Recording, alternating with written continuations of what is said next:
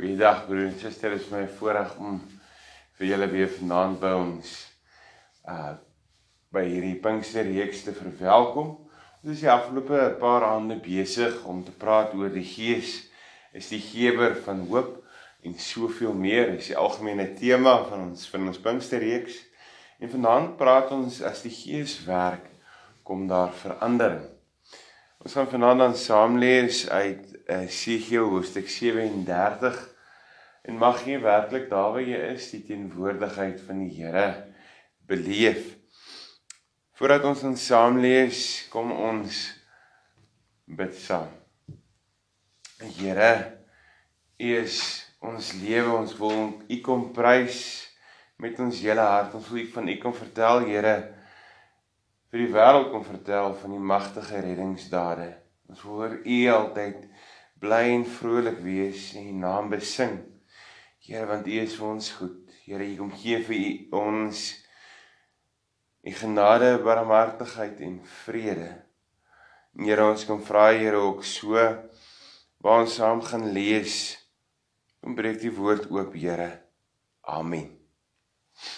Esegiel 37 vanaf vers 1 lees so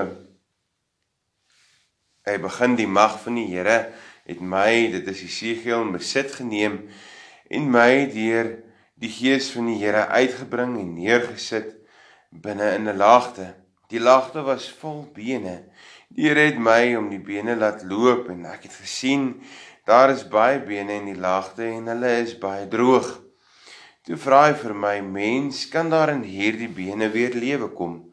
Ek het geantwoord: "Nee, dit weet net U Here my God. Hy sê toe vir my: "Tree op as 'n profeet vir hierdie bene en sê vir hulle: Hoor die woorde van die Here, droë bene. So sê die Here my God vir hierdie bene: Ek gaan gees in julle laat kom sodat julle kan lewe.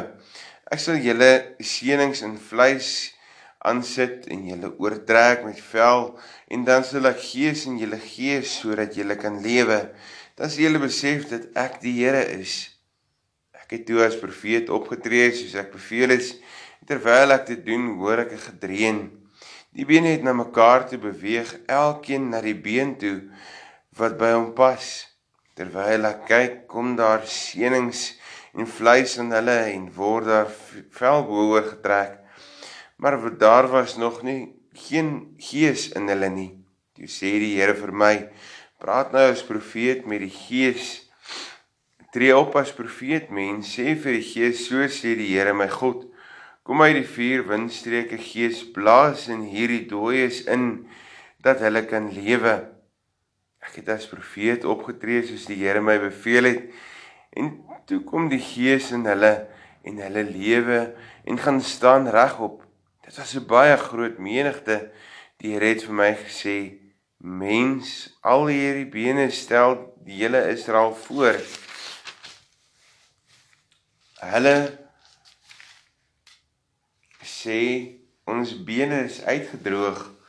Ons het geen hoop meer nie. Dit is klaar met ons. Tree op as profeet sê vir hulle so sê die Here my God.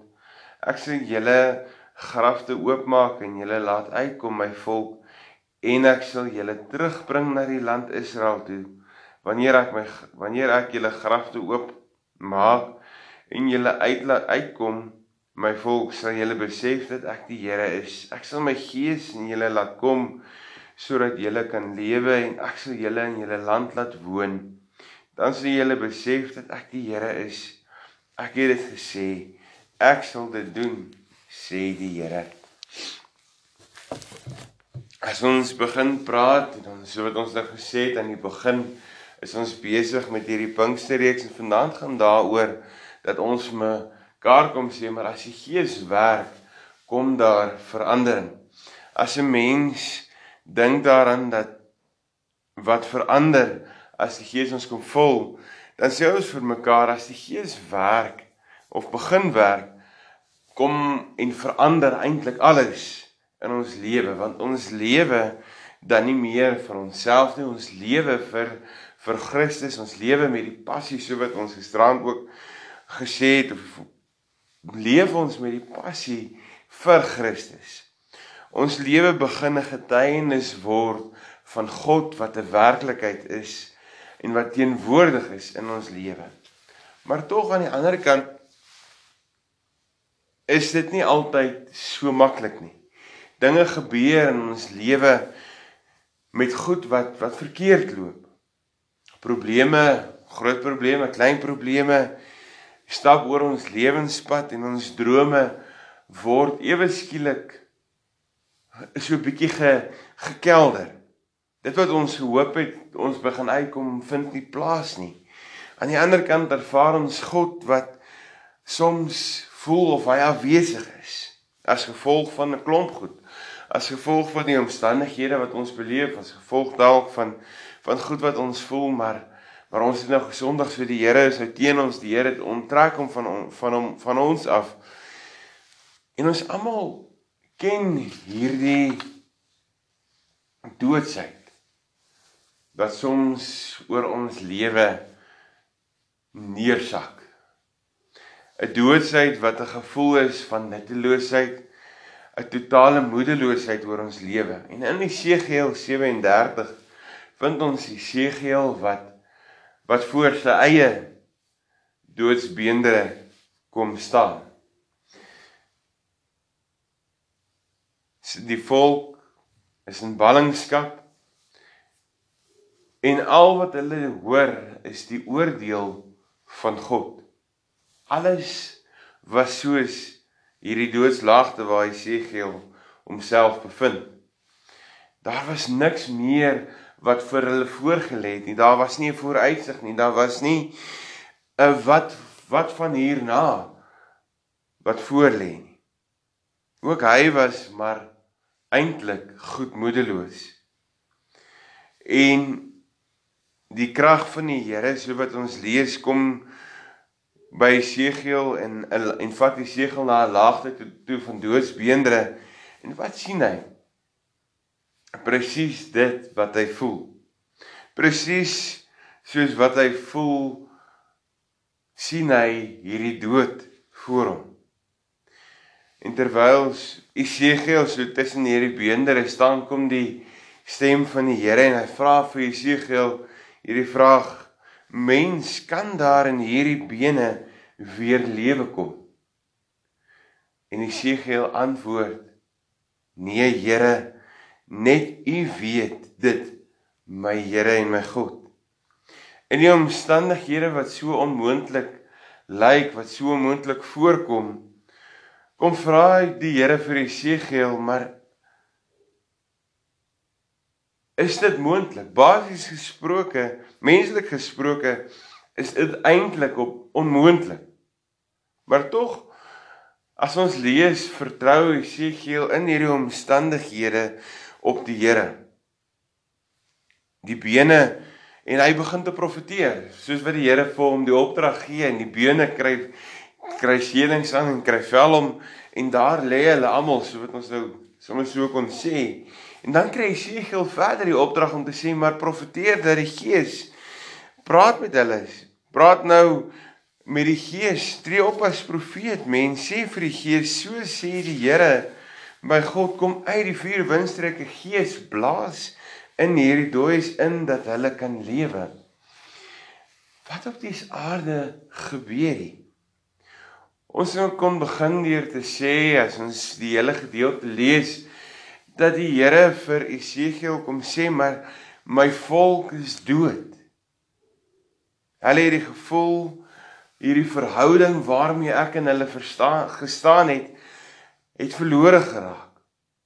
Die volk het gevoel maar God is weg en toe kom God en gebruik hierdie mens Esegiel om 'n verandering te bring. Toe kom God en gebruik sy profeet om twee dinge te doen. Aan die een kant sy woord te verkondig dat daar lewe is in God. En aan die ander kant om God om tot God te bid om sy gees weer uit te stort om weer in 'n verhouding te kom staan met sy mense. En hierdie gebeure bringe verandering in die hart van die volk van Israel.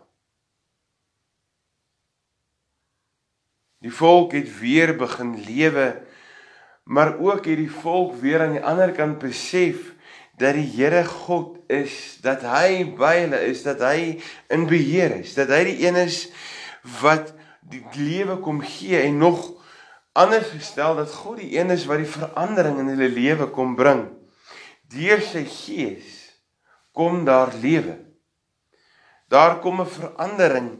Daar waar sy woord verkondig word, daar waar sy gees teenwoordig is, waar sy gees mense se harte vul, waar die gees die mens vul, kom daar 'n verandering.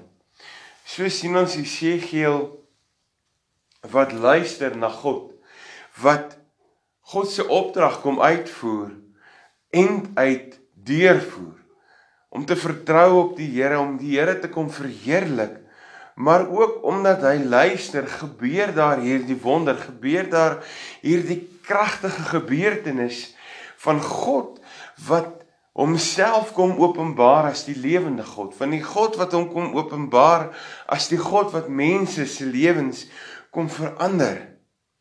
Dis net iets wat gebeur as God deur sy gees in ons harte en mense se harte gestalte vind. So sien ons ook as Nuwe Testamentiese gelowiges by Pinkster die gebeure van die Gees wat die verandering bring. En onder leiding van hierdie Gees, soos die geval met Jesegiel verkondig Petrus dat Jesus gesterf het, dat hy opgestaan het, dat hy lewe, dat hy opgevaar het en dat die Gees gekom het en 3000 mense kom tot bekering. En die vraag is broer en suster, besef ons dat ons woorde in ons dra wat lewe kan gee aan ander.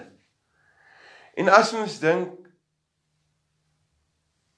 en al dink ons nie regtig so nie, dink ons dis nie moontlik nie. Is dit so? Hoekom? Want wanneer die Gees in ons lewe lewe die woord van God in ons. En juis dit bring die verandering wanneer ons begin om te verstaan dat ons woorde wat in ons is kan lewe gee aan ander. Lewe wat verandering bring aan ander wat moedeloos is. Lewe van verandering van mense wat voel maar ons is oorrompel deur hierdie doods doodsheid. Wat meer is is die besef dat dit nie uit eie krag uit gebeur nie. Dis nie deur ons eie doen en late nie, maar dis deur die insig wat die Gees in ons sit, dis deur die insig van die woord wat in ons leef dat ons nie op eie stoom nie, maar deur die krag van God die verandering kan bring. Ons moet nie net die verandering begin wees op eie stoom nie, maar deur die krag van die Gees. Ons moet onsself tot beskikking stel van die Gees en sy werk in ons lewe. Ons wil tog so baie keer graag verduidelikings hê. So baie keer graag alles uitgewerk hê op 'n sekere manier en sê maar hierdie is die plan. Maar broer en suster, dis so eenvoudig van dat ek en jy ons verstand beperk is. Dat ons nie altyd alles logies kan uitredeneer nie. Maar broer en suster, die Here werk. Die Here is besig, hy bring die verandering. Ons moet net vertrou in hierdie Here wat die verandering bring. So wat ons ook lees in Johannes 3, die wind waai waar hy wil. Jy hoor sy geluid, maar jy weet nie waar hy vandaan kom en waar hy heen gaan nie. So gebeur dit met elkeen wat uit die Gees gebore is. So kom die Gees en bring die verandering. So kom die Gees en kom gee lewe. Mag ek en jy broer en suster luister en vra na die wil van God soos Jesegiel. En mag ons bereid wees soos Jesegiel om ten spyte van ons eie tekortkomings, ten spyte van ons eie menslikheid te vertrou op God. Mag ek en jy die verandering deur die Gees se werk in ons bring. Mag ons die lewe bring verander wat moedeloos is. Mag ons verandering bring deur die Gees wat in ons werk. Amen. Ek gaan afsluit en dan gaan daar weer geleentheid wees vir gebede waar jy dit sommer so by jouself kan doen. Kom ons sluit die oë dan bid ons saam. Here, dankie dat ons kan stil word en kan weet dat U die Here en God is. Dat U Here die verandering bring deur die Gees wat in ons is. Dat U lewe bring. Here, gebruik ons tot U eer en tot U verheerliking. Here, ons kom bid ook U seën oor ons toe. Mag U Here ons seën en ons beskerm. Mag U Here tot ons redding verskyn en ons genadig wees. Mag U ons gebede verhoor en aan ons elkeen U vrede gee. Amen.